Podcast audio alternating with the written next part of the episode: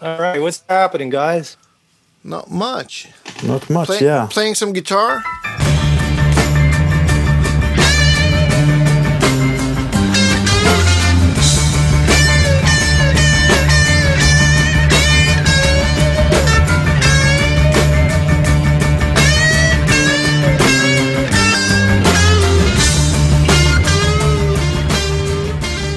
Yeah, where are you guys at? Two different places, Yeah, I know, but yeah, we are. We're um, in in Stockholm, Sweden.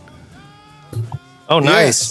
It must be must be cold there. Oh right yeah, now. we got yeah. we, we got snow like minus five Celsius. I don't know. Well, the, the equivalent in Fahrenheit, I don't know, but It's cold. it's cold. supposed to be though. Yeah, yeah. but it's kind of nice weather because we have a lot of snow as well. So it's kind of bright outside, and and also it's starting to be, uh, you know, the sun is up a little bit longer now, and it's, so it's really beautiful when it snows because everything turns. Yeah, in it's so a bright. beautiful Yeah. city. Beautiful city. I love. Yeah, I've been there a Yeah. few times. When were you here the last time? You remember? Oh, uh, I don't remember. It's probably about seven years ago, maybe. right. I was with this singer named Madeleine Peyroux. Oh, yeah, yeah, yeah. And uh, I think that's the last time I was there. Yeah. You remember where you guys played? Yeah, it was uh well in Stockholm it was like uh it's it's like an old like a rock club next to a hotel. It was like a big hall. Um starts with a B, I think maybe. Berns. Yeah. Yeah. That's a that's a really cool place. Really Yeah, cool yeah. place. I remember the the dressing room upstairs was really Yeah. hip. Was, Yeah, I think that's Had, like- one of the like oldest still- venues in Stockholm as well. yeah, so- yeah, yeah. yeah, man, it looked like some like medieval kind of Yeah. The hotel is kind of nice too. Yes, the hotel was really Yes. nice. I remember So it was that a place. sleeper gig? Yeah. You stayed at the hotel too?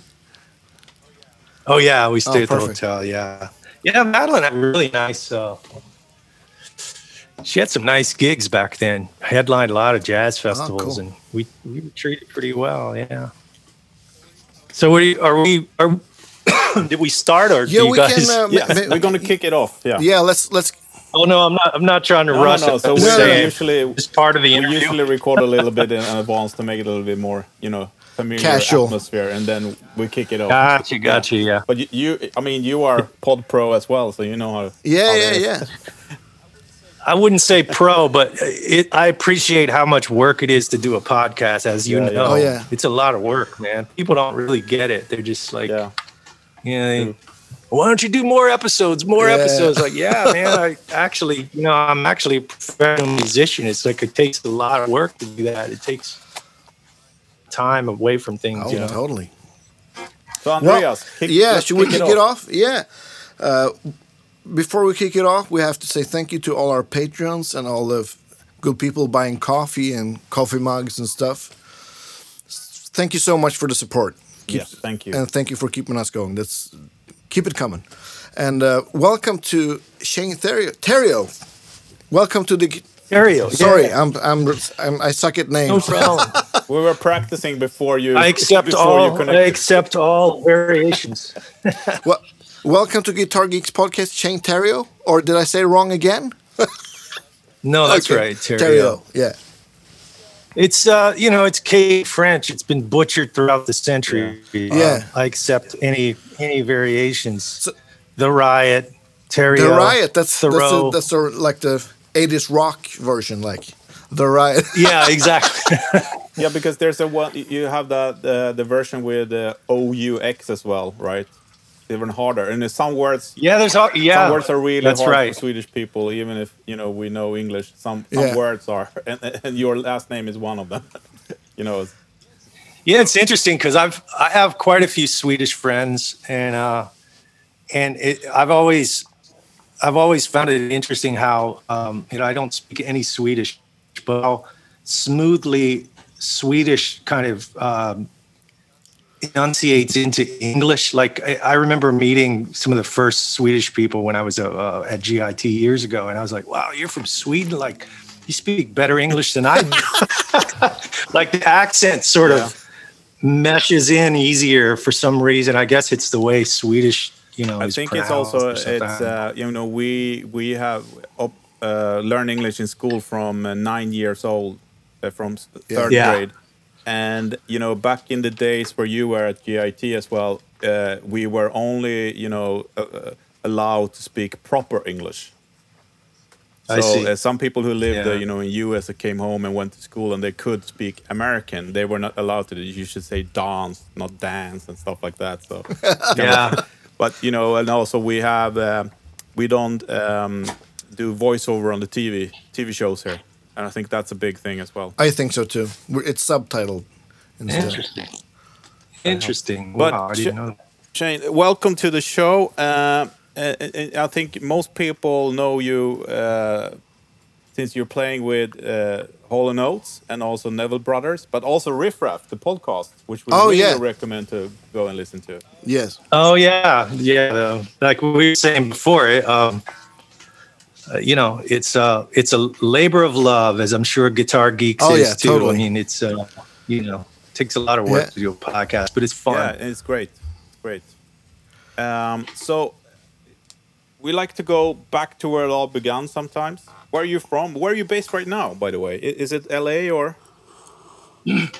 Well, right now I'm sitting in my studio in New Orleans, but yeah, I've been spending more time in LA lately. I have a place in LA. Um, so kind of both, but mostly LA these days. Yeah. But you caught me on a day I'm back in New Orleans. And that's where you're from, right? Lu- Or Louisiana or? Yeah. Yeah, I was from. uh, Well, I was technically born in Thibodaux, Louisiana, which is that's another hard name for you to say, Yeah. probably because that's Yeah. Every, every, D- everything with a D-A-U-X. French accent is hard. yeah. So do you do, do you speak Creole uh, the too? end of that one. No, um, Cajun. My my, uh, my ancestry is Cajun, which me- means we were exiled out of Nova Scotia Oh, right. via Fran- the friendly British kicked us out.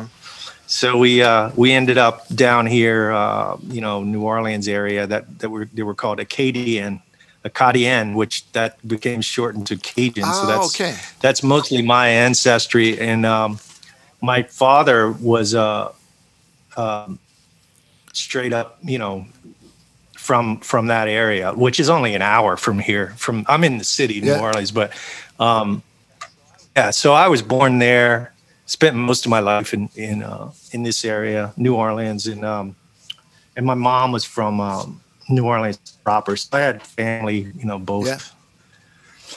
Although it's only an hour apart, it's a world apart, All right. basically, culture wise. Yeah. you have that that uh, Louisiana groove in you.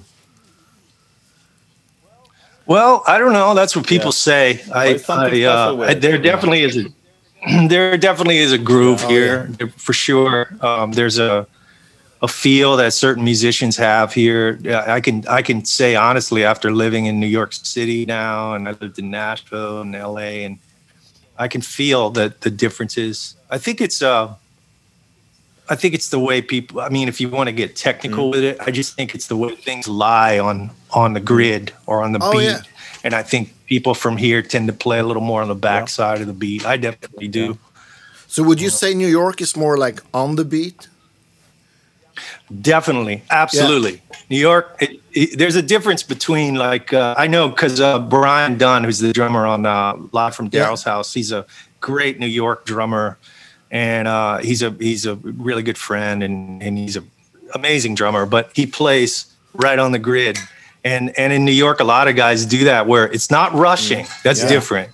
The time is impeccable, but it's right on the grid. So to me, it feels like, wow, man, we're uh, nope, we're not rushing. We're right on it.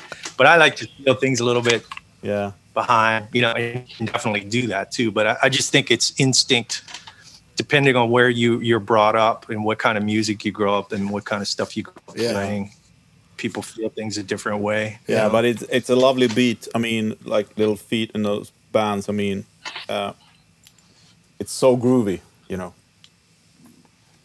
Yeah, the meters, man. Uh, it's funny, Little Feat. I, I just uh, I saw I see Kenny Gradney, the bass player, all the time because the place I have in LA, um, his the guy that I'm renting the house from is like his best Mm-hmm. friend, and I knew Kenny from years ago when we toured with them with the Neville Brothers. But Kenny is was actually born in New Orleans. A lot of people don't know that. he was born in New Orleans and he has a lot of relatives still here, but he, he basically grew up in LA or Texas. Was it Texas? Uh, he's been in LA most of his Yeah. life, sure, but you know, in the um, blood. th- all that stuff sort of filters into all those guys that feel. Yeah. So how how did you discover the guitar? Uh, let's see. It was a couple of things at once. I think it was uh, my. Let's see. My my aunt had a um, boyfriend at the time. Later later they got married. He became my uncle, but I thought he was the cool uncle, and uh, he, he you know he was probably 18 at that point, and he played guitar. And he would pick me up, and I would go to his house, and he would play guitar, and he had a Fender Super Reverb amp and an electric guitar, and I was like, "Wow, this is amazing!" So I wanted to learn Yeah. from him, and at the same time, uh, believe it or not, I saw this was in the early '80s. So I saw I saw a movie about the Beatles, and uh, that wanted that I was like, I want to get guitar for Christmas, and then. Uh, maybe it was around that time or a year later. Uh, one of my best friends that I grew up with was in a band, and uh, he was playing drums and I actually started out on drums. Oh, my right. first instrument. and I wanted to be in their band too, but of course he already played drums. and uh, and they already had two other guitar players, but some kind of way he convinced the other guys to let me join the band as a guitar player, a third guitar Yeah. player. So I think I was, you know, 10 years old or something. So all of those things at one time got me interested in the guitar. That's good. And, and how old were you when um, you started playing? Like Man, I think I was 10, maybe nine. okay, so it was fairly nine. early. First- really early. I, yeah, when I first got my my first guitar, which was a p- was a piece of shit Sears guitar, like not the cool Silvertone No. Sears Okay. guitar. Like I'm talking the Yeah. shitty late '70s made in Korea ones. That the inch, you know, action about an inch off. Yeah, but mine was an acoustic. That's the cool one. Yeah, and. uh and you know, I wrestled with that thing for years, and and really got my. Uh, I remember try, my uncle would would show me Yeah. things on it, and it, would, you know. so uh, that was the first thing, and it, I knew I was committed because if you could make music on that Yeah, thing, Yeah, I yeah, kind, yeah. kind of envy with the kids today when they start playing. I mean, the cheap guitars today are so good compared to I was telling somebody that the other day. Same Yeah. thing. Yeah. Yeah, you know struggle so hard with those bad guitars, but yeah. hey, a four, a four, still five play hundred guitar, so dollar. maybe that's got something to do with it. You know, you had to struggle a little bit. Yeah, and and uh, it was just so fun, man. It was. I mean, it still is fun, but you know, when you're Yeah. a kid, it's every time you put something, you you take a D chord and figure out how to move it up the Mm-hmm. fretboard and come up with some little riff. It's like discovering, you know, fire Yeah, or yeah, something. It's like it's like But also, I mean, it sounds like you. When you, uh, at least my experience is that I started to play with others that, you know, we were on the same level. No one could play, and then we learned together. And then you know, suddenly you're you're six or eight, and then suddenly you're three left, trying to, you know, continue growing and kind of nice to do it together with others. You know, and Absolutely. I mean, I think everybody goes through that until, you know, people start to discover girls and have girlfriends. And then there's always one person inevitably who, you know, the girlfriend doesn't like the playing guitars or music.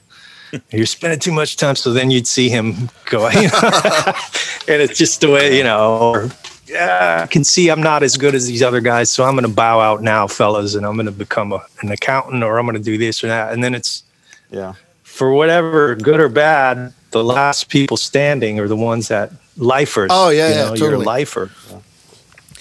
Not sure it's the smartest career path, but Well, I, I've it's probably one of the funnest. totally, and I think it's like like you said, if you if you get the if you get smitten by it, it's you're a lifer. It's hard to quit. I know for sure. I Yeah. am. I'm a lifer. I, Yeah. It's like I, I couldn't Yeah. imagine doing anything else. But Like, when yeah. Right. when did you kind of um, decide to go for it? I mean, the full thing. You know, Like professionally. yeah. Oh man, I I think I did really early on. I don't I couldn't pin down an exact age, but I I remember like this area of South Louisiana in the 80s, the early 80s, mid 80s, uh, really got hit hard with the. Um, it's very dependent on oil and gas. This area for the economy, and so a lot of people my dad's age at the time were losing their jobs. And I remember playing a little gig at this VFW home, which they have here in the states, uh, and uh, and we we were opening act for this other local band who was you know they were a really good band of course they were hobbyists they were a really good top mm. 40 band and anyway i remember the guitar player who i looked up to him and i was like wow he has a marshall amplifier and he's a really good player but he he worked with my dad i think he mm. did or he knew my dad and i remember them talking and i remember he had got laid off from his job by this other guy and he told my dad, I'm just going to play music from now on. I can probably make more money at this if I teach and just play gigs. And something clicked in my little pre teenage brain. And I went, wow, wait, he's going to do this? Because I didn't come from a, a family like a Hollywood, uh, you know, entertainment mm-hmm. family. I, I, came from a, I mean, it was more working class. So the idea that you could be a professional musician that that's probably when I decided I'm going to do this some kind of way. I don't know what it's I don't know specifically what it's going to be, but in some capacity I will be a professional musician. Back that was that moment. Yeah. oh, that's sure. awesome. But, so did did you like start yeah, taking guitar lessons or No, I um I never really took I I did kind of yes through my uncle, you know, and then he sort of exhausted everything he could show me. Are you hear me okay? Or is it no, breaking no, up? it's okay. Okay. Um, he, he, you know, my uncle was like a 70s, like he knew all the 70s songs. So he showed me everything from bread to ZZ Top to which in hindsight was really great guitar vocabulary oh, yeah. to learn voicings and you know um, and then later on uh, there was another guy that I knew who took lessons from the local hotshot guitar player. And uh, this friend of mine, he wasn't necessarily that great of a guitar player, but he would show me what he learned from his teacher. So I sort of vicariously took lessons that way. I, am pretty much self taught until I was about uh, 17. I took a few classical lessons and uh, I didn't really take any lessons. Uh, I mean, I, self-taught, but I had books. I had, you know, guitar magazines, yeah, yeah. a couple of uh, courses I'd mm. send away for. You know. But but was it always a goal to get to GIT or MI as as it's called today? But no, it wasn't always a goal. It was uh, it just seemed like the right thing to do at yeah. the time. I mean, um, and did you have any? I was in a band. Of, yeah, did in. you have any other goals of moving to LA or New York or something like that, or? Always. Yeah. Okay. yeah. Always. Always had that goal. I used to watch uh, when I was in high school. I used to watch this show called Night mm-hmm. Music. Mm-hmm. Dave Sanborn. Oh yeah. And in the U.S., you can find him on YouTube now. It, it was an amazing television show for not only its time, for any yeah. time. And it was on NBC and it was prime time. And it was called Night Music with Dave Sanborn. And they would have the most eclectic guests on there. One episode, I mean, just off the top of my head, it'd be like Miles Davis. Um, you know, uh, who else was on there? Aaron Neville was on one. Um, uh, Bill Frisell with the cello player, oh, wow. not even the band, like the duo. On one that would be one episode. Rickie Lee Jones, um, you name it. Everybody was on there, and the house band was Hiram Bullock and oh, Omar Hakim, Omar Hakim, and oh yeah, yeah, and it was just so I used to watch that. I'd go, New York, New York. One day I want to, you know, be in New York, New York. And, and it was just this mystique of it. And LA too. You know, I, I, always thought I'd end up in one of those places. Yeah. So GIT seemed like a good place at the time. I mean, at the time I was taking classical lessons. I was playing in a college band. I wasn't in college yet, but I was playing in the college jazz band. And I was already you know, I already kind of done everything that I could do around in the town, you know. Mm. So it seemed like the best place. But when to, it comes to, to influence, it sounds more like you were influenced in in the East Coast type of music, jazz, you know, that scene? well, no. Originally, I was I was influenced by Eddie Van Oh, Halen course. and, Steve Vai and George Yeah. Lynch and Warren DeMartini, Yeah, yeah, yeah. and but not long after all the all of that, like almost at the same time, I was into Wes Montgomery, Scott Henderson, um, Ry Cooder.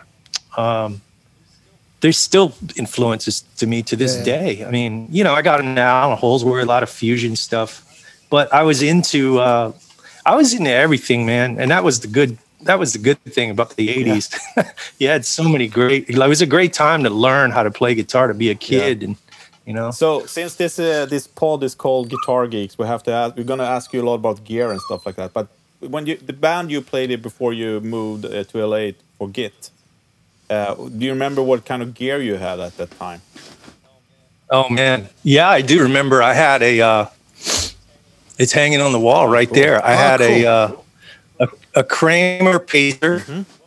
Well, my first guitar. Well, okay, this is a pretty interesting story. My first guitar was the Sears that I Yeah. told you, but my first electric guitar was, uh, and I only have photos of it now. It was a. f- I know what it is now because I know about Mm-hmm. guitar somewhat.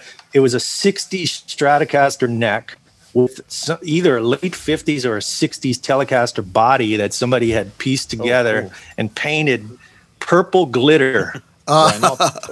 and I begged my mom and dad to buy it for me for $125. Wow.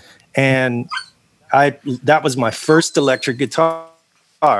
And uh, was it Telecaster I remember, pickups? you know, on the tellies, the, the old Telecaster pickups on it? Yeah. Oh yeah, it was all stock. The, the original pickups. cool. Yeah. Do you remember the you know those bridges? How they always poke Yeah, your yeah. hand? You know, the telly bridges. That. So I, I never. I mean, it would the, the thing wasn't grounded properly, and it would you know it wouldn't. It was old, but I didn't know it was. Now the neck was shit. The neck's got to be three grand on that yeah, thing yeah. now. I sold that guitar for 125 dollars to buy a Peavey T-60. Oh yeah, we we all done those deals. Yeah. Yeah. But at the time, at the time, that was an upgrade. I was a kid playing guitar. Oh, yeah. I, I remember my dad saying, "Now you have a really good guitar to learn Peavey T-60." But you know what? It was it was at the Yeah. time. I it stayed in tune. I had all these different sounds. It was easy to Mm. play. Um, it you know it was an improvement at Yeah. the time. Now I go shit what, and then I had a I had a um, a super reverb amp which was I bought for my uncle for fifty dollars. That super reverb Oh, amp I was good deal. talking about, which I wish I still had. Um, and I had one of those. I had an MXR distortion pedal that um, it wasn't the yellow one. It was the one. It was like a bigger one that they made in the Okay. eighties. Yeah, and that's all I had. That and a wah wah pedal that I still use to this day that I just got fixed in LA. Um, that's all I had, Yeah. man. Then I sold Peavey and got a, uh, a Kramer that's hanging on the wall over there Oh, cool. um, for years. You know, life was so much simpler when you didn't have as much shit to choose from. Definitely. You know what I mean? Yeah, definitely. I mean, it really was. Yeah. Yeah. So is I remember my uncle gave me this little fuzz thing that I mean it was it, you plugged it into the amp. I think it was Electro-Harmonix something. You then you plug your guitar into the thing Yeah. and you know, had a little switch. was it Dan, Dan Armstrong also had those small things that you plug? It was Yeah, like yeah, that, but it- yeah. yeah. but it was like a it was a, a fuzz Cool. or whatever it was. Yeah. But you know, But but the Kramer is that the one with uh, Floyd Rose on it? it's got a Floyd Rose. Like a yeah. Baretta or It wasn't that hip, man. I didn't have it. Was a I think it was a Focus or something. I, I stripped the headstock years and years ago, but Um, so was that the guitar that you brought to Git as well, or? I brought yeah, I brought a lot of guitars Okay. out there because at that point I had I was teaching at a music store and I had I had a- acquired a few different guitars. I had a jazz box, a Japanese copy of a 175. I brought that with me. I had an Ibanez Artist, the the one that John Abercrombie played yeah, yeah, yeah. the big heavy Oh, yeah. one looked like a yeah and i brought that with me i brought the kramer with me and something else i forget yeah Mm.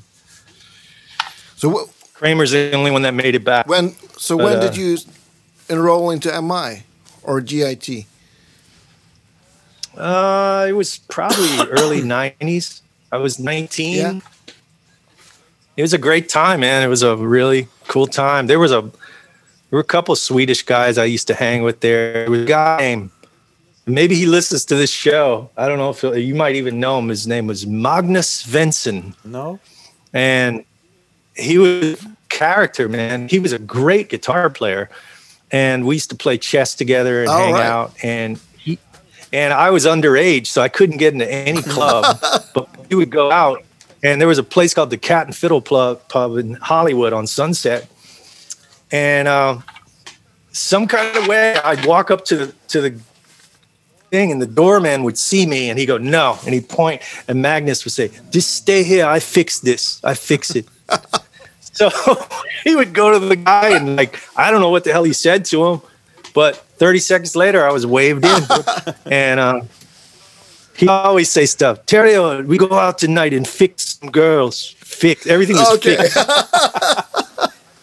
i fix a jam session for you we fix a Oh, cool. Yeah, i love that too So, so when when were, were this in time? Uh, nine in the beginning of Early the 90s? or- yeah yeah yeah So what what is your biggest takeaway from from the? Do you go there a full year or? Yeah, I went a full year. Um, man, it was uh, it was it was one of the best years uh, I ever had. I mean, it was like the first place that I ever, I ever lived out of out of my house with my parents was Hollywood. I was, I think, I was eighteen or just turned nineteen when I moved there. My grandfather drove me across the Oh, wow. To say, you know, and I had I had an apartment. I had worked for a year and busted my ass and saved every dime I had, and it just felt awesome. And um, I had this great teacher named Dan Gilbert who um, really helped me out, and uh, and then Scott Henderson. I Scott ended up getting me a teaching gig when I graduated, and he was one of my big influences before I got yeah, there. of course. So uh, and then there were other other stories like that too, but it was a great time. I mean, I can it- imagine. the takeaway. I mean, it was just something about being uh, not just great guitar players, but great guitar players from all over the world, and being around that multicultural Yeah. thing when you're a kid. Yeah. And you've never experienced that, and it was an education. Plus, you're living in Hollywood, which back then Hollywood was a real dump, man. I mean, it was kind of dangerous back then. I mean, I had, you know, grown up in New Orleans, going in and out of New Orleans all the time. So it didn't seem that crazy to me. But now in hindsight, I go, wow, it was pretty, Right. pretty Yeah, yeah. dicey. But but at uh, so this was uh, in early nineties. Uh, did the uh, MI had the, the format figured out at that point, or was it still a little bit up to you, the students, to do the best of the situation? Well, they would. Well, yeah, it was all of that. I mean, they had a format, they had a program that was already proven Yeah. to work, but it was it was basically you got out of it what you put into it. Yeah, You had to yeah. show up for a certain amount of hours so they could they could graduate you because they were an accredited Yeah, yeah, yeah. institution. You know, so you'd punch your clock. And that's how they punch your time card. That's how they knew how many time how many hours Mm. you attended, but.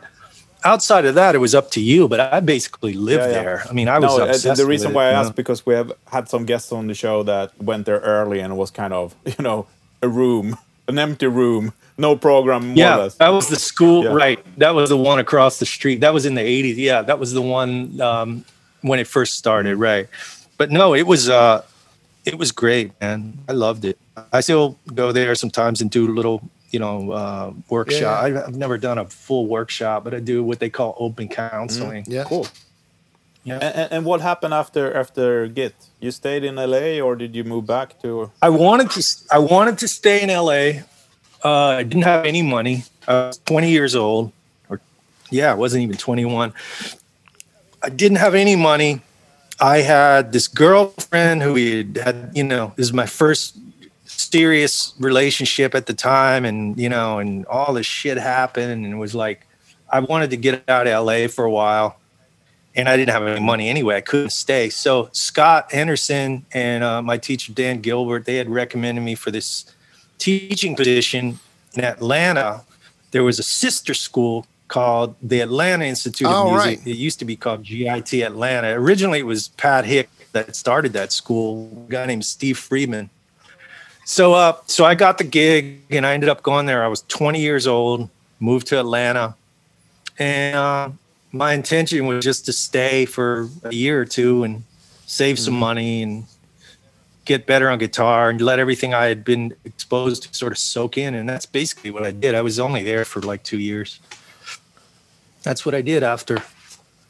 Yeah, uh, was Atlanta like a, a a good music city back then? I think it's probably a good music city in the sense that uh, it's a big city and there's a lot of uh, hotels. There's a big population. So in that case, you could be a, a, a working guitar player, like meaning Yeah, you know you could play top forty gigs. You could uh, teach. Um, you could do things like that and make a living. But there was no music scene, at least that I knew of, like as far as an industry with like Oh, right. labels and producers. I mean, there was a hip hop scene, but Yeah. you know, that had nothing to do with guitar. Um, or for me, it didn't anyway. Um, So But- did you have like any like? I oh, sorry. Did you have a, like a steady gig in in Atlanta, or did you like travel and do gigs?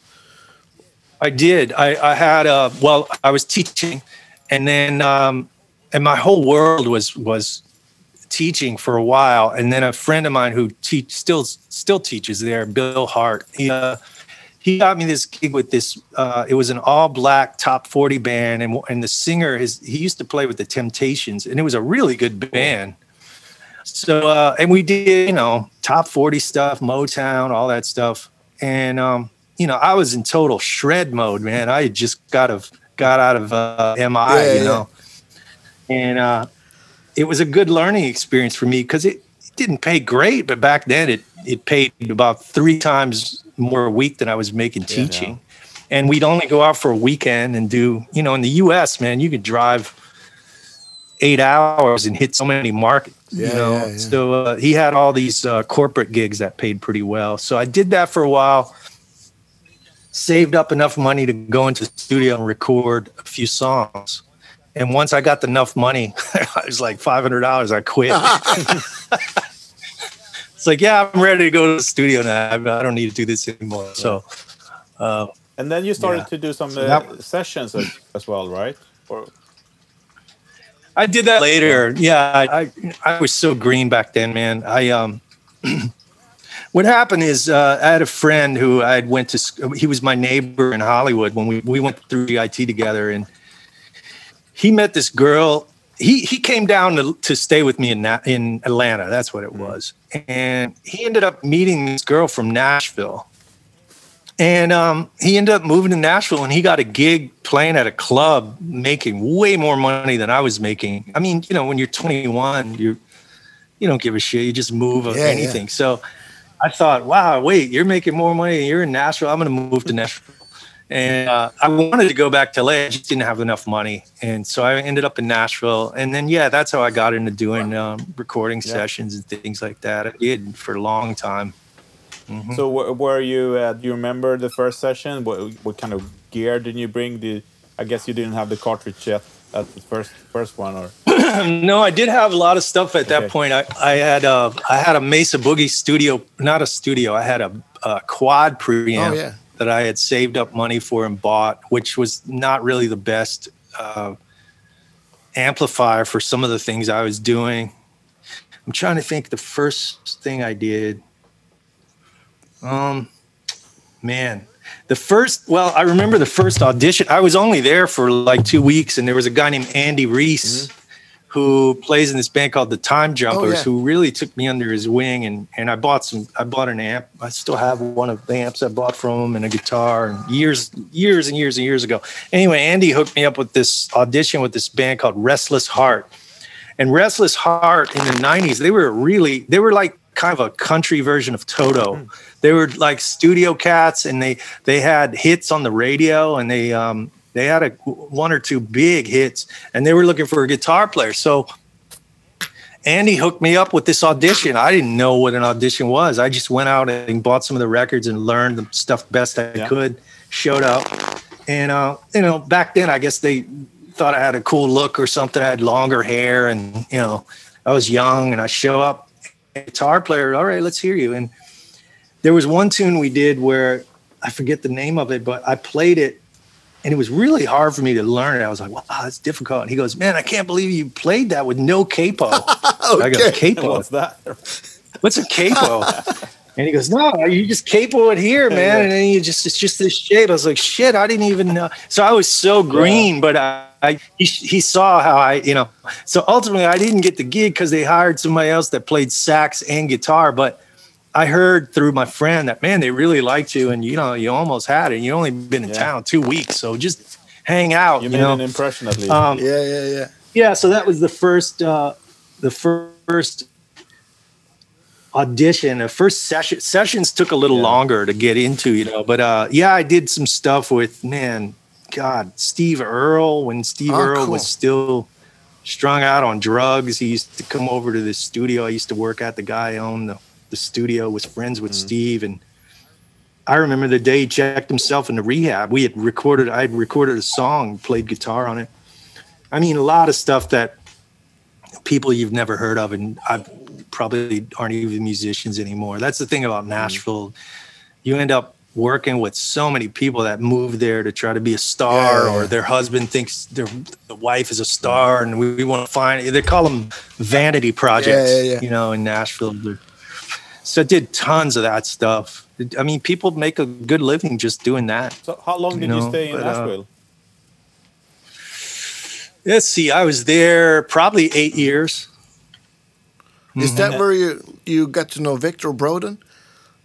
a mutual Swedish Victor. Friend? I met later right. on. I wasn't actually living in Nashville when I met Victor. Um, I met Victor because LeAnn Rimes, the singer LeAnn Rimes, was looking for a guitar player, and uh, I knew her manager. All right, but that was from a different connection. It was from a. Um, it was from somebody in LA. But anyway, long story short, I met Victor through LeAnn's band, and he's a great oh, guy. Yeah, totally. yeah, and that's how we met. Mm-hmm. But uh, going back a little bit, I guess um, uh, you started to play with the Neville Brothers, right? Yep, that was in uh, ninety late ninety six. Yeah. So how, were, were you still living in? Did that, was that feeling? I mean, you, as you said, you you watched him on the, that TV show when you you were a kid, and now you were playing with him. Yeah, it was great. I mean, I, I uh, that came about because a friend of mine named Eric Struthers, who was playing with the Neville, he was the guitar player with the Neville Brothers. He was branching out into producing, and he used to hire me to play guitar um, as a guitar player while he was producing the sessions. Which was back then I had no money, so it was a huge deal, man. He was helping me out, and he'd get me on sessions and things. And um, unfortunately, his wife passed away suddenly, and um, he he was le- going to leave the band anyway, but he said, "Man, I, I can't go on tour anymore. I got to take care of my kids." And I, like I said, he was going to leave anyway, so he threw my name in the hat and recommended me for the gig for the Nevilles. And you know, unbelievably, unbelievably back then, I had nothing going on except some, you know, a couple sessions here and there. I thought about not even doing the gig because I didn't want to leave Nashville. Oh. I thought, which was probably the right thing. If I would have stayed in town, I would have been one of the guys. But that's the thing; you don't want to leave town, or at least back yeah. then. But I took the gig and um, loved it. It was so, so how great. How long did you stay with that band? I, uh, that was about seven oh, years. Wow. Yeah. I called one of my friends who was living down here that I'd grown grown up with, and I said, uh, "I'm coming down to New Orleans tomorrow, and I'm auditioning for the Neville Brothers." And I said, uh, if I don't, if I get the gig, man, let's go out and party tomorrow night. And if I don't get the gig, man, let's go out and party tomorrow. so I guess you guys went out partying. yeah. Yeah. So I ended up getting the gig and staying at Charles Neville's house for like, I didn't even go back to Nashville for weeks. Like he, you know, they had all this stuff on the books. I remember, I remember after I got the gig, he didn't even really tell me I had the gig. And, uh, and he's like, all right, well, you can stay up in the studio and blah, blah, blah. We'll rehearse tomorrow. And I was like, wait, do I have the gig? He was, yeah, you got the gig. well, do you remember what? And I was in, I, I, felt bad because there were other guys that were trying out and Aaron Neville was there. They all showed up at different times and I played all of Aaron's stuff. And, um, and Aaron told the other guys, "Man, y'all could go home." yeah, we got our guy, and I felt bad that you know. Do you remember what songs you had to play at the audition? Uh, yeah, I think I don't remember exactly. I I remember one of Aaron's was that Linda Ronstadt tune he did. Well, it was it was Aaron Neville, Linda Ronstadt in the '80s.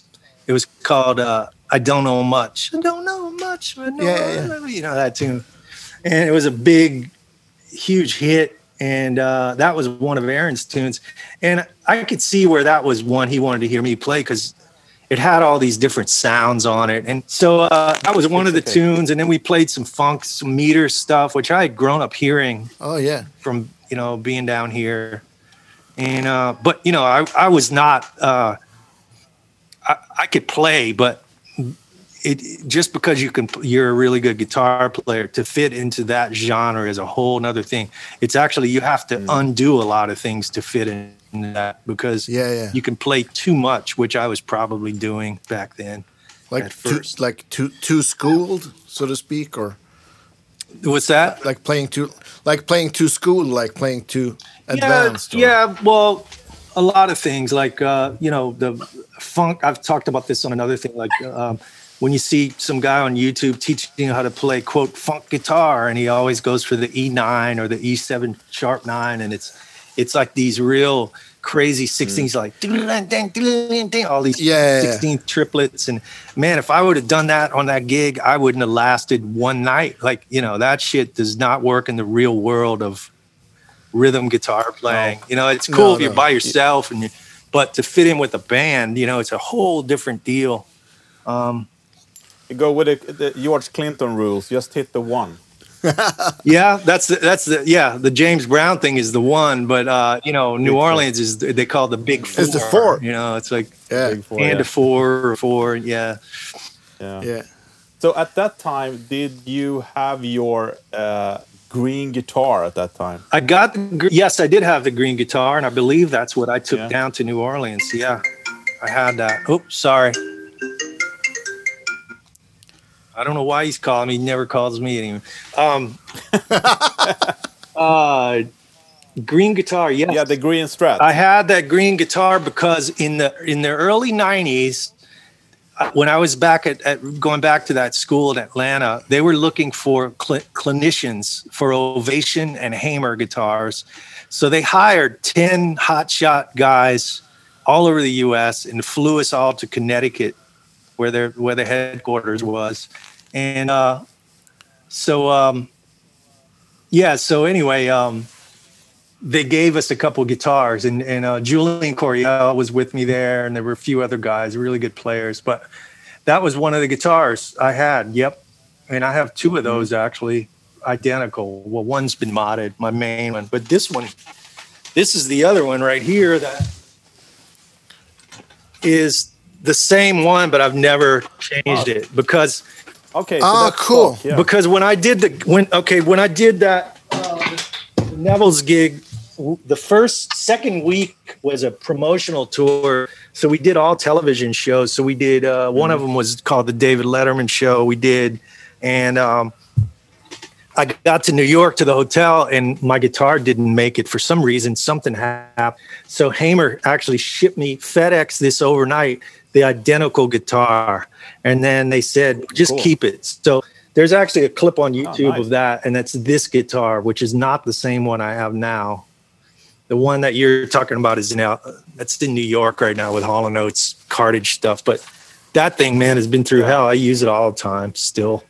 So what, what what is that model called? Mm-hmm. I had that guitar. Been many a spent many of hour with that guitar. yeah. Yeah, yeah. Do you know what what what's it called? The model of that? It's guitar? called a Daytona. Daytona. Yeah. Right. Yeah. Yeah.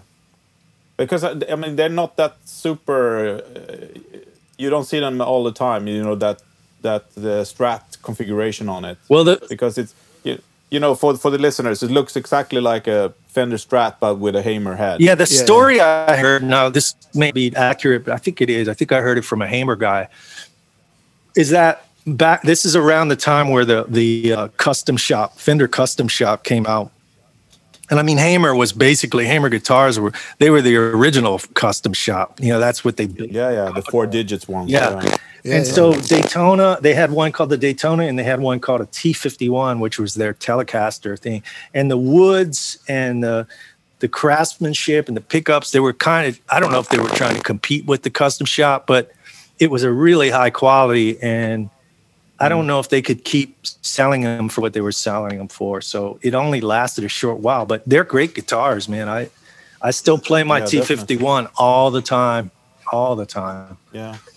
But you you have several Hamers nowadays, don't you? I, I see another one in your lap. These are yeah, I have these in New Orleans. Um, I have my T51 is in LA. My main green one that you're talking about, my main Daytona is in New York. I, I keep that there with the Hall and Oates stuff. And then I have a few Hamers here. I have this is a Vanguard. Um, that's the problem with Hamers. I mean, there's so many names, it's confusing. But this is mahogany. You know, art. I guess it was called P90s. Yeah. but Yeah. the pickups, uh, Seymour um, wound uh, a couple of uh, custom underwound Seymour Duncan, and he sent these. So my guy put these in, and man, this guitar sounds amazing now. I use it for, mostly for recording. I did use it, Cool. used it on uh, some alive from Daryl's house stuff, like Cheap Trick, a couple of things. I thought Oh, it'd cool. be cool to have some Hamers. Yeah. But yeah, that's that's this guitar. I still have. I love all my Hamer guitars. They're great.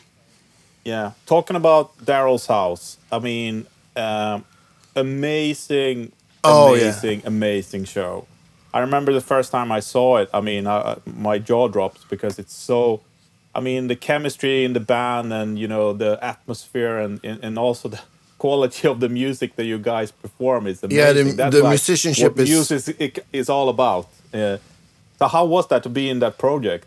It's great. It's uh, it's a lot of fun. It can be stressful at Yeah. times. Um, it's it's because it's a lot to put together in a short amount of, to- of time, and so you know I have to do the a lot of the arrangements and write the charts, and and really the hardest part of that gig is dealing with uh, the artists or the the managers in front of the artist. You know, because Daryl yeah. basically says what he wants to do, and um, and then I have to kind of make it happen.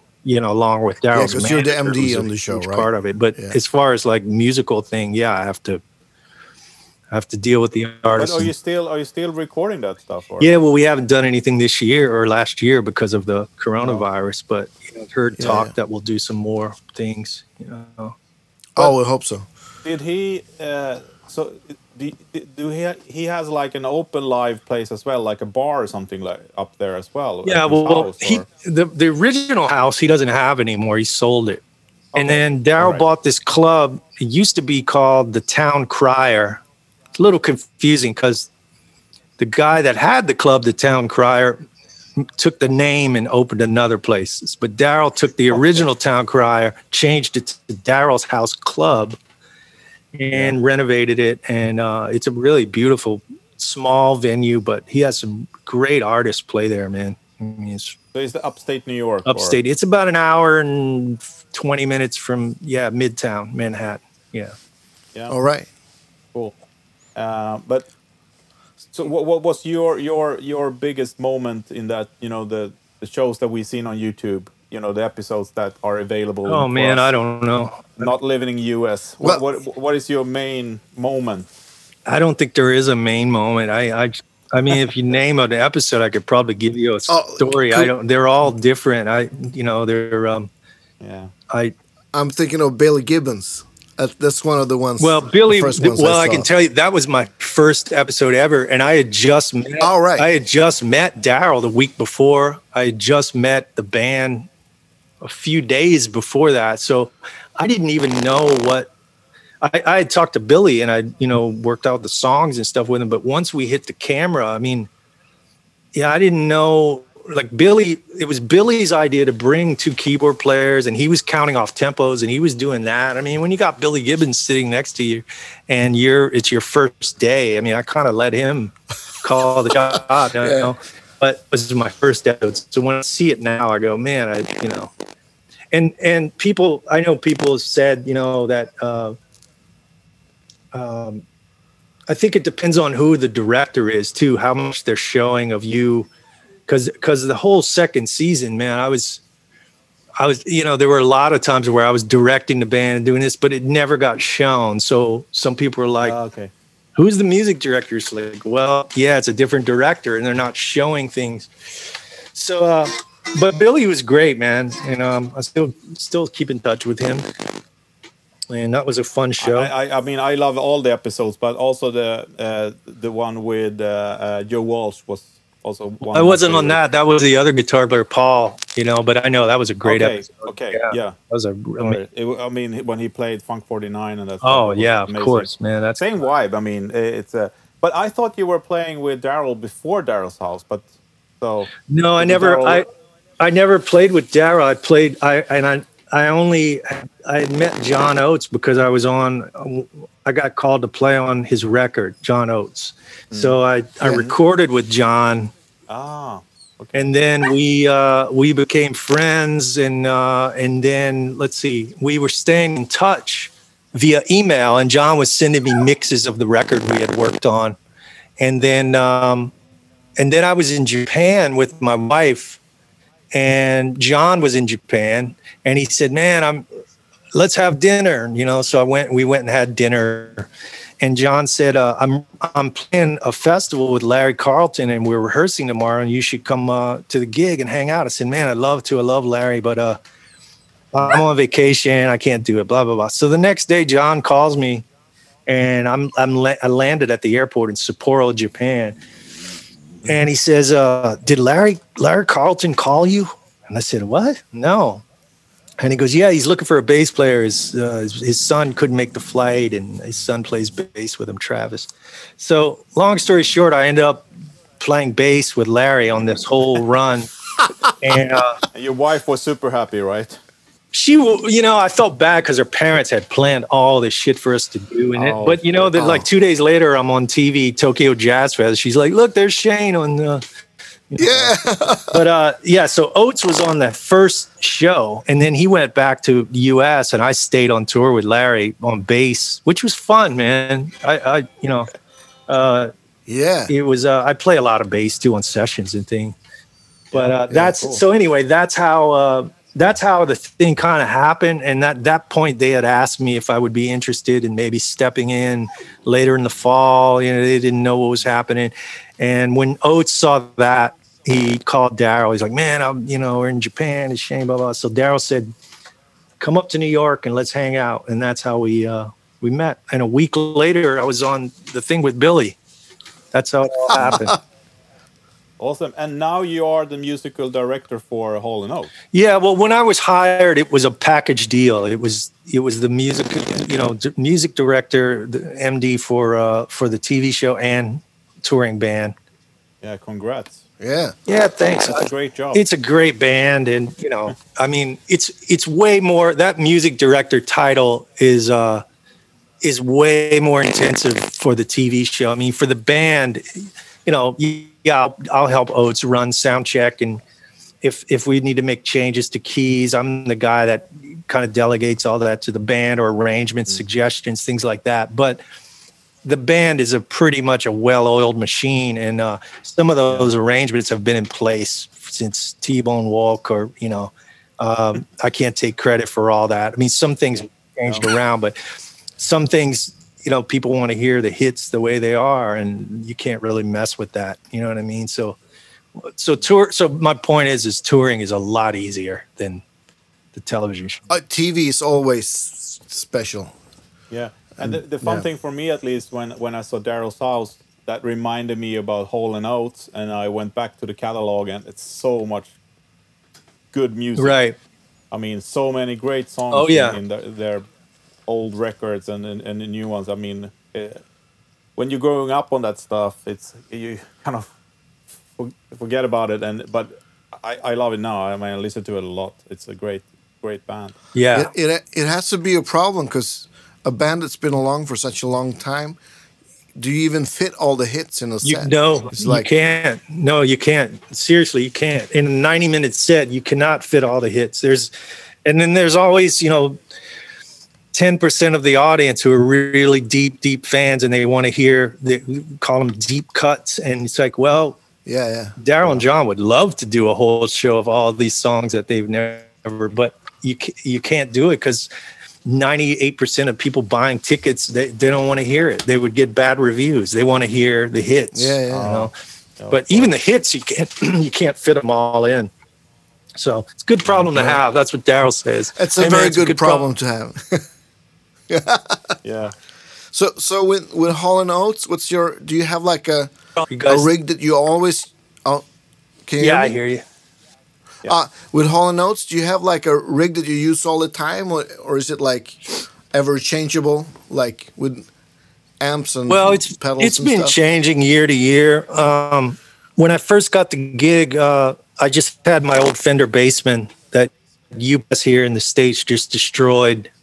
I'm having it put back Oh. together right now. Um, I had I think I saw a picture of it the other day. Yeah. It, it transformed Yeah. a lot. I saw I saw it on Facebook. Yeah. unbelievable. Look. Uh, awesome. That thing has been, literally been around the world several times in that same flight case and nothing. And then I get it shipped from New York to LA and it's just smashed all to hell. Um, yeah, I had that amp and I think I had a Dr. Z something, uh, uh, another head that I was using. But um, I, as the gig started changing, I I, uh, I switched a few times to different amplifiers. And um, last year, the past two years, I've been using a Soldano um, um, Super Lead Overdrive head, and Oh. That's a low that's worked pretty well yeah. because it lets me get a um, a good clean sound. I can switch to lead, and you know, and um, it seemed to work out the best. I mean, one of the best tones I had was just my old Marshall, just straight in, because Mm-hmm. because Hall and Oates is basically a, a, la- a live anyway. It's a it's a loud R and B gig kind of. That's the way I look at it. Yeah. I mean, I probably bring a little more rock stuff to it than other guys did, did but um, so I have a little more crunch tones and things like that. But that's kind of what it is, Yeah. you know. Yeah. And what So kind, do you do you still have your use a pedal board or I do. you go straight in? No, or- I I, Yeah. I have pedals, tons of pedals. I mean, I don't kind of obsess over that stuff, but I have. Uh, I had I had this. It it started out pretty simple, and then uh, one of my guitar techs uh, had just left Bon Jovi's tour, and uh, with John exactly. and so he's like, "Oh man, I'm gonna build you a thing. We're gonna get a looper. and We're gonna do that." I said, "Man, do whatever you want. You know, whatever." Yeah. It's so uh, it turned into this huge pedal, which actually is not complicated. It just had a looping strip and stuff. But I don't know. I just it just was too much stuff, man. I don't like. Uh, Yeah. I don't like to step over pedals on stage. Mm. You know what I mean? Like I don't like to have to step over something to press it. Um, so I like all my, if I set up a pedal board, I like everything to be in one row.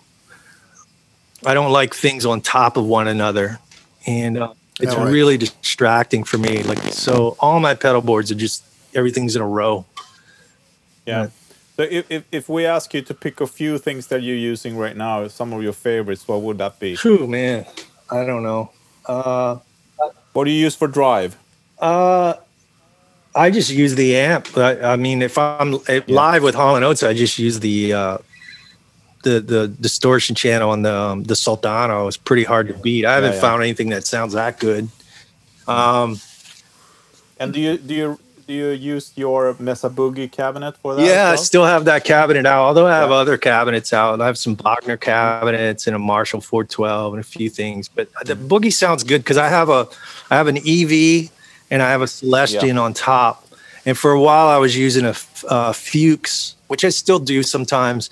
And I, that thing is more picky with speakers, so that's why I was keep I kept using the Mesa Boogie cabinet because I had the uh, the uh, EV in there, and it likes the Yeah, that's a great cab, by the way. yeah, yeah, man. yeah. It's a perfect size. They were the, Yeah, they're so cool. I mean, in the '90s, that was the dream, um, you know, dream speaker that road worthy Yeah, you know, and I mean, a lot of times Yeah, it's yeah, just yeah. necessity. It's like you know, when you get hired for a gig, I, like when I work with Boz Skaggs or LeAnn or any of these big arena touring acts. I mean, the first thing the production guy's going to call you and go, "Okay, um, we we're going to send Rocket Cargo out, you know, to get all your stuff. And uh, where is it? And is everything in flight Mm. cases? So I mean, I have lots of things, but not everything has a flight case. And to get cases made, or it's just what's easiest a lot of times, you know. And Mm. Yeah. that Yeah, boogie yeah, had a flight case. God, man, I've been using that for years and years. and- Yeah, Oh. yeah, it's built like a tank. But I, I, I recently watched your, um, uh, re-watched your uh, rig show, uh, Premier Guitar. Recommend people to look at it because you, you, you, you, you have your Marshall and the Fuchs uh, uh, on that rig show. Yeah, Uh, but also that sound that you that you you have on that show, it's like you know the Eevee is so good for that type of sound, and a lot of people don't use it because they think it's too harsh and too hard, but it's just sweet, man. It's, Yeah, and, it, and you know, a, a lot of times I won't use necessarily what I, I. I mean, most of the time I use what I want to use. There's other things I'd probably like to use, but I look at you know, John is a, they're they're the guys. John and Daryl are the stars, and Daryl's playing a Tele. You know, I don't want to play a Tele next to Daryl because he'll he would go, "Oh, you're going to play a Tele too." I don't want to have a stereo rig because Oates has that. You know, um, Yeah. you, I look at something that's going to complement them sound wise, uh, and they appreciate that. You know, I know they do because he's told me. And when I first got the gig, I remember Oates telling me. I mean, when we did his record, I played all the wah wah parts and a bunch of rhythm stuff. But when I got the gig, he goes, "You don't need a wah wah pedal in this gig. Just leave it at home. I play all the wah wah shit." Okay. All right. So uh, in in a sense, you know, in that context, you're like the dry in the dry and wet. I guess, rig. yeah, that's a good, Yeah. that's a good way to put it, man. Yeah, but Shane is always, you know, you're you're the core tone in the in the, and then they do all the glittery stuff around it. But I have lots of pedals, man. I'm always switching stuff out. I got um, a King of Tone Analog Man. It's great. I've been using that in LA. I have uh, uh, Free the Tone delays. I really like. I, Oh, they're great. I have a, you still use the the the flight time, or do you? yeah, it's right the- there. I used it on a session uh, yesterday for this guy remote Yeah. thing. Have you tried the Future Factory? yet? I have the Future. I did the demo for them online. I love that Oh, feature. okay, Factory. yeah, that's awesome. That's an awesome delay. Yep, they're all beautiful delay. They make really good uh, overdrive pedals too. You know, Yeah. Definitely. yeah, they're really nice. I use that stuff all the time. Um, and then you know, I just like I like Boss stuff too. I mean, I don't I don't endorse this stuff, but I have some Keeley modded Boss things or uh, Analog Man, and I just like the switches on them. They're easy to use yeah. and they feel good. And you know, man, I get emails a lot a from, lot from to hit. guys asking me about pedals and what did you use on this show? What did you use on that? And it really it, it I could pretty much do. I mean, it, it's going to sound shitty because people send me like expensive pedals, but really, I could do everything with a tube screamer and a rat pedal and maybe a, a blues driver. I mean, basically, those three Yeah. things. To me, everything is a derivative from it, and uh, you know, I have Yeah, and kinda, I think you yeah. know a proof is also in that Premier Guitar Rig, rig rundown. Uh, you demonstrate how you use the Octafuzz from Fulltone. Oh yeah, and you Yeah. use it you use it for you know it's it's probably not even built for that purpose but you use it beautifully as a boost you know Well, a lot of times guys think that you know they sit in their bedroom and and things don't sound right or it's got this or too much mid or not enough mid or too much bass or this or that and but you really don't to me I, I don't know how you could make that decision unless you're out on a gig or a session or playing at a yeah. volume where it's it's Yep. got to open up a bit, you know. Um so in that Yeah. regard we, we use there's so many great Yeah. pedals out, man. I mean, you can't get a good sound out of what's you know. There's there's so no we, we used to say sometimes that the person who's gonna build the the youtube compressor sound in a pedal that would that, that guy will make a fortune because everybody bu- buys pedals and amps online and they heard it on youtube and they, then they're surprised that it doesn't sound like that in the bedroom when they got it yeah. And uh, when I lived in New York, um, I remember I lived. Uh, I used to live around the corner from uh, Mike Stern, and he was about to go into the studio, and I was at their house, their apartment, and Mike was using the little uh, Boss DS1 orange one, and Yeah, uh, and I had brought one over that uh, Analog Man had had done for me, and I said, "Man, check it out! It's got the mid, and you can turn this up." And you know, oh, and Mike's like, "Oh man, yeah, well." Hey man, can I borrow that? I said sure, and I, I hooked them all up. I said, "Here's the analog man, and here's the here's the the Keeley one, and we AB everything. I had them hooked up. Mike goes, man, can I borrow? Yeah, here, Mike, take them all. And, and right before I walked out the door, he said, you know what, man, just take them out. I'm not going to use them. I, I'll just use mine. and I and I understood it. It's just it's it's too many options. You know, you you, Yeah. you just that's the problem with it. I have that problem too. It's, what do I use? I have this head, this amp. and and that's kind of his sound to the the DS1, and I think he's got a like a blues driver. He doesn't now. use it anymore. He uses he uses a super overdrive and he uses the blues driver now. Yeah, he, he Yeah. kind of yeah. retired the DS one. At least he did last year, as far as I know. Yeah, Yeah, Yeah. But um, I was over there one night. I think I posted it on my Instagram. I was jamming with him, and up on his bookcase, he had this old. M- it was an MXR Distortion Plus, beat to shit. It was like the yellow paint stripped off it, and that was his pedal that he used with Miles and you know Jaco, and that's all they had Oh, back yeah. then, man. It was yeah, incredible. and probably a solid state amp as well. Yeah, I mean, there's some clips of him playing on on uh, on YouTube with Billy Cobham, where he's got that pedal. You can see it on the floor. That pedal and a wah Yeah. Through a through a backline Fender Twin with like straight up no reverb, and he's playing a Strat, like the most unforgiving tone, and just killing. oh it, man. yeah, totally. killing. Yeah, that's amazing. hmm So, so what what's up next? You know, it, we, I mean, it's uh, very very special times right now. But what what's uh, what's in the foresight? So, Well, I've been I've been busy uh, the last year. I've been writing a lot and recording my own material. I mean, I have four records out, but uh, I've been doing a lot of vocal stuff. But I've been writing for other people as well. Um, I'm working on a, a record now with a guitar player named um, Paul Brown, and um, and he's producing actually Larry Carlton. So I'm working on a Larry Carlton record right Oh, now, and I wrote about eight tunes for it, and I played most of the instruments on it, um, all the Cool. bass, rhythm Oh, wow. guitar. So Larry's working on his parts, and then I'm working on a record with a, a smooth jazz guitar player named Norman Brown, and a few other things that this guy Paul Brown is producing. He gets me to play on, and uh, I produced this record with Dr. John before he passed away. Uh, Oh, that's so cool. yeah, that should probably be out hopefully later this year. I hope. Knock on wood. Um, yeah, yeah. yeah, You, No, but I, I must say, I must say, you're a great singer as well. I, I, I, I didn't know you. I mean, I, I saw you doing back background vocals and stuff, but uh, but I saw on your YouTube channel when you you you you're a great singer. Oh, thank so- you. yeah, the, Well, I don't know if I'm Rain- a great. Raining in the think I'm- Desert song. I think sounds I'm a great, good man. enough singer. Yeah, I'm doing this uh, record right now. excuse me, in LA with uh, Toss Panos on drums. He's a great drummer. He played with uh, Steve Lukather and Steve Vai and Robben Ford and Michael Landau and um, and uh, Jorgen Carlsson, your fellow Swede who plays with Yeah, yeah, yeah. Mule. We we have a trio we call Le Combo. So we've been recording, and that's really exciting. I love that. And then I'm in a band with. Um, we just finished the record with uh, Jeff Babko, a great keyboard player, LA session yeah, yeah. guy, and uh, Steve Ferrone on drums, and um, a couple other really great guys in that band.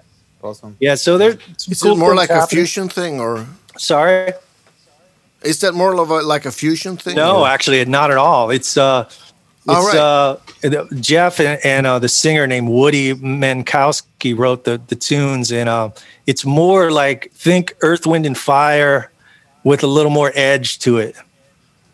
Oh, cool. Yeah. sounds great, man. So we're gonna do So, some shows uh, when things get back to normal. Yeah.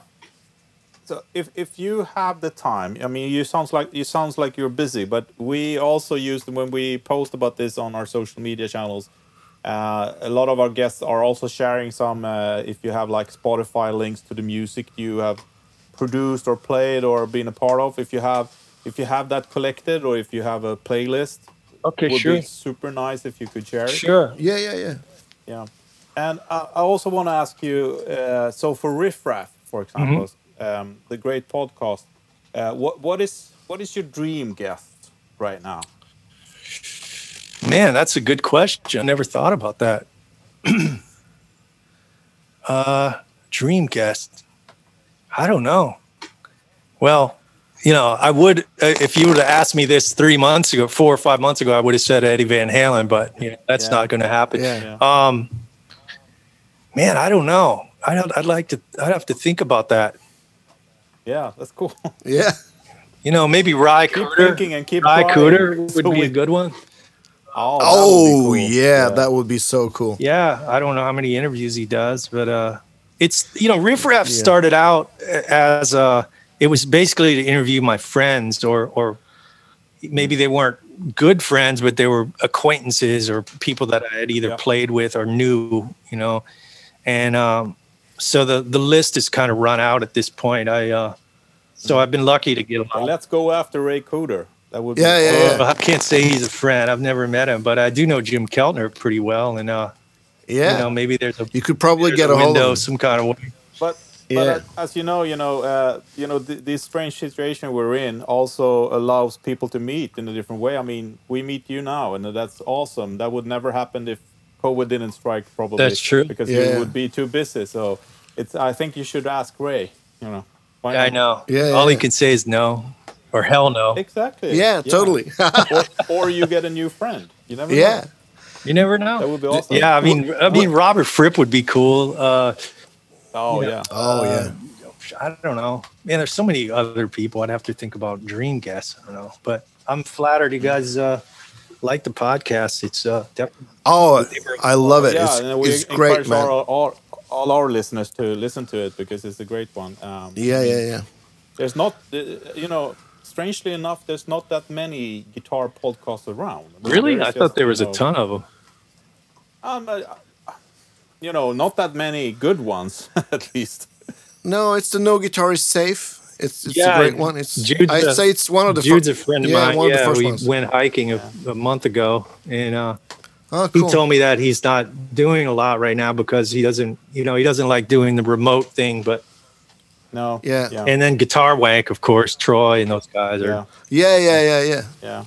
Episode ninety nine point sixty two or Yeah, yeah, Kind of shifting quality Yeah, a little bit depending on how much they great drink. guys. Yeah.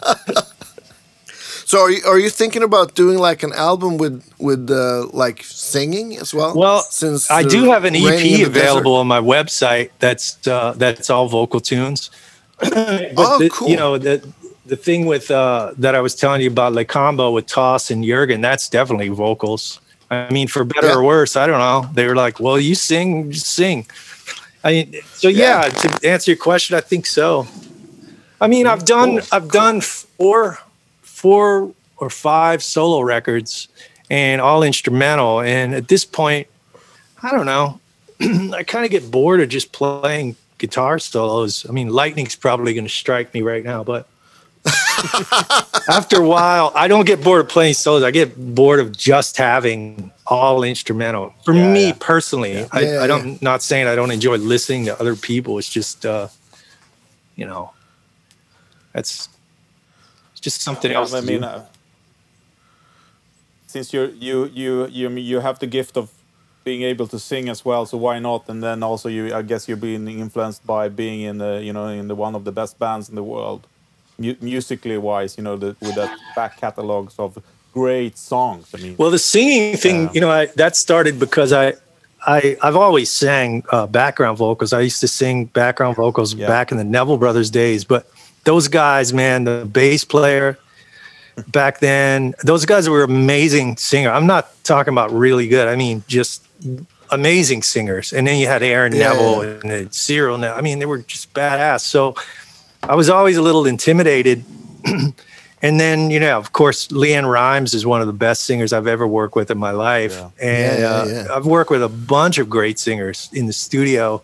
So but sometimes you work with people who they're quote stars and the older i got or the more experience or working on daryl shows sometimes i would say you know when you hear people that that aren't in the studio when you hear people just singing naturally you go well man i could actually sing as good or maybe a little better than that yeah. myself so Yeah, yeah, yeah. um, it's something I spent time working on. You know, took some vocal lessons and things, and um, and then I used it to demo songs to pitch to other people songwriting. But um, I don't know. It's it's I'm inspired by it, and definitely being around Daryl has uh, rubbed oh, off Oh, I because imagine. Yeah. he's just Yeah, a of course. great singer, man. I mean, yeah.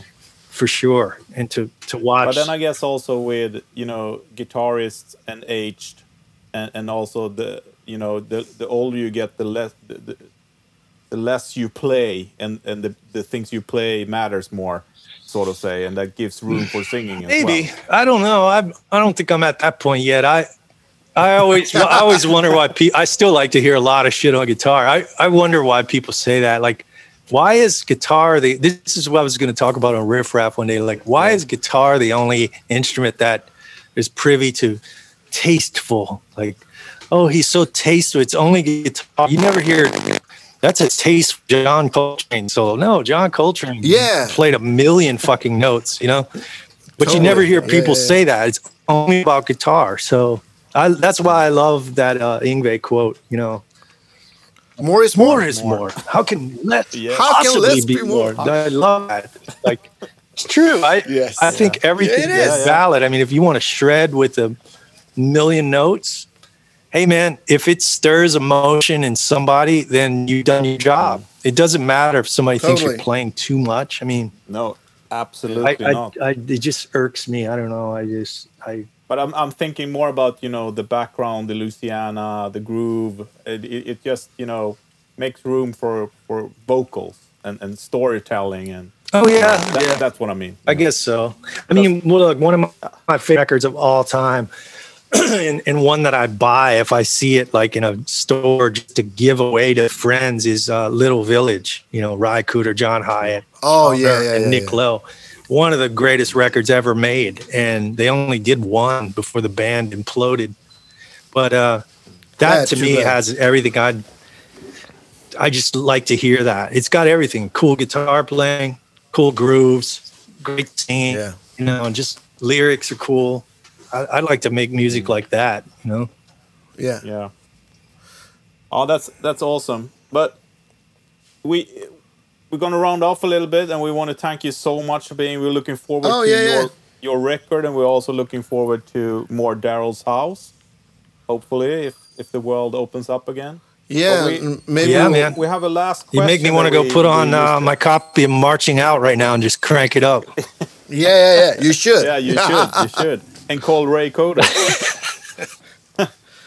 but Andreas, do you want to have the pleasure Oh, yeah, of yeah, yeah. asking the last question? So, what is the last guitar-related thing you'll ever sell? Wow. guitar related thing. Um probably the guitar that John Scofield gave me that I was playing last night. Oh, It's an Ibanez artist. It's probably 10 years old and it was a birthday present. And I don't even like taking it out of the house because I don't want anything to happen to it. And um, it's just a fabulous guitar. But just the fact that he gave, you know, it's a it's a special thing. It was a special time. oh yeah. Yeah.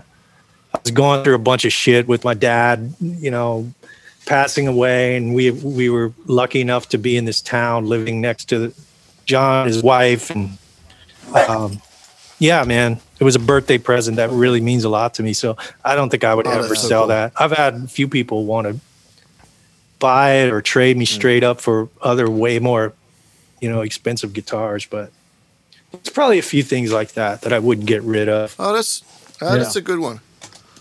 Cool. Uh, he's on one of your albums too, right? Or the the latest album one? No, he wasn't is on it. I uh, he actually offered to play on it, but uh, I kept it just straight up, um, no guests. Um, All right. I did name a, to- tune called "Just Go Away." Yeah, so that's probably what Yeah, oh, yeah, yeah. That's probably why I'm thinking about it. but that's probably it. You know, I, I probably have Yeah. I have a couple other uh, ants and things that I probably never sell. But I'm a like a, I'm a sentimental dude, man. I uh, Yeah. get attached to things, and Yeah. you know Yeah. I don't want to let them go. Like probably that green strat too. I probably Yeah. Yeah. that. But you can only keep one. Yeah, This is a tricky question. It's just yeah. We had, the original question was Just the original wood. question was the, the the house is on fire and you can only bring one thing, but it was too macabre, so that's why we we changed the question. Yeah, we don't want to jinx it. no, no, no. So wh- where in where in New Orleans are you? um, Lower Uh, Garden District. All right. Is- Are you is that familiar with the New Orleans ar- at all?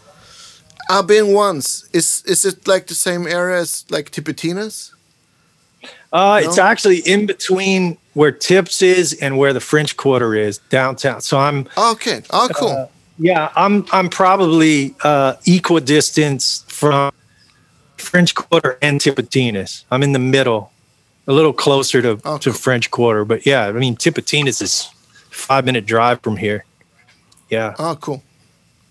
And um, it's a great. It's yeah. a great city. it's a great city, man. I, I go through my. I, I always say like living in New Orleans is like probably dating a stripper. You know, like it's uh it's fun, but you know it's not going to end well at some point. But you're okay with that because it's fun, and that's Yeah. kind of how it is living Yeah. here. It's like I, it's uh actually you know man, there, there's another fellow Swede, Anders Osborne, that lives here.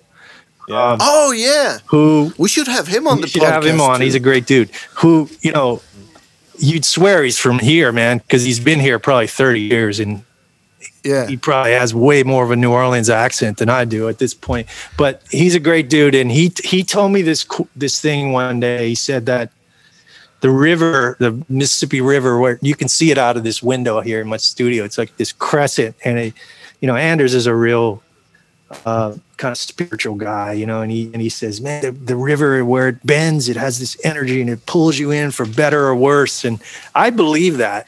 I do. Yeah. And I've had somebody else tell me New Orleans and New York City were the only two places that I lived that once I left, no, I couldn't wait to get out of there. But once I left, I couldn't wait to get back. And it's like a, it's like a Yeah, curse. yeah. It pulls. Yeah. Anyway, yeah, but it's a great city, man. It's uh, it's I only been once, but me and my girlfriend said right away we have to go back, and we were there for Jazz Fest as well. okay. Well, that's a good So, time of the year to yeah. go. Yeah. Yeah, probably a crazy lot of people, and but it was fantastic, and and and it's such. Uh, I don't know, but I've been around in the states a bit touring, and, and it feels like a lot of a lot of the state doesn't. It, there's not that much culture and history, but New Orleans seems kind of proud of of its culture and and its cultural history in a really cool way. Oh yeah, to a to a fault actually, because all right. no, you, you know when when uh like when when uh I remember they had the after Katrina, man, the huge hurricane, the disaster, everything that happened after, and like the next spring, no, like February or late January. Not only did Mardi Gras happen here, which is the biggest free party in the world. I mean, it, it's weeks of s- stuff going on. The Super Bowl happened here, which is the biggest game in the U.S. Like crazy Yeah. and and the New Orleans city government's like, well, you want to have Mardi Gras and Super Bowl at the same time? Yeah, we can do that, no problem. Cops, they don't freak out about. It. Yeah, we can we can have several million people here at one time. But to get your fucking street fixed in the front of your house, or to get your, you know, it's like a different world, man. It's Yeah. uh, that's what I mean. It's it is a cool place. They celebrate culture and they can pull things off, but then other things suffer as a result. You know, um, Yeah. but that's Yeah. a whole nother episode of Yeah. not not your guitar listeners want to hear. I'm sure those that are left I, at this I, point. Sure they want to, So- but we all want to go there. I've never been. I only been to Baton Rouge. That's the closest I've been, but uh, I, I wish to go there. But let's let's end the show by saying thank you so much uh, for joining us, and thank you for our Patreon followers, and thank you for the coffee, the mug buyers, and uh, um, We'll see you. see- We'll hear you next week. Yeah, exactly. Have a good one. Cheers. Bye.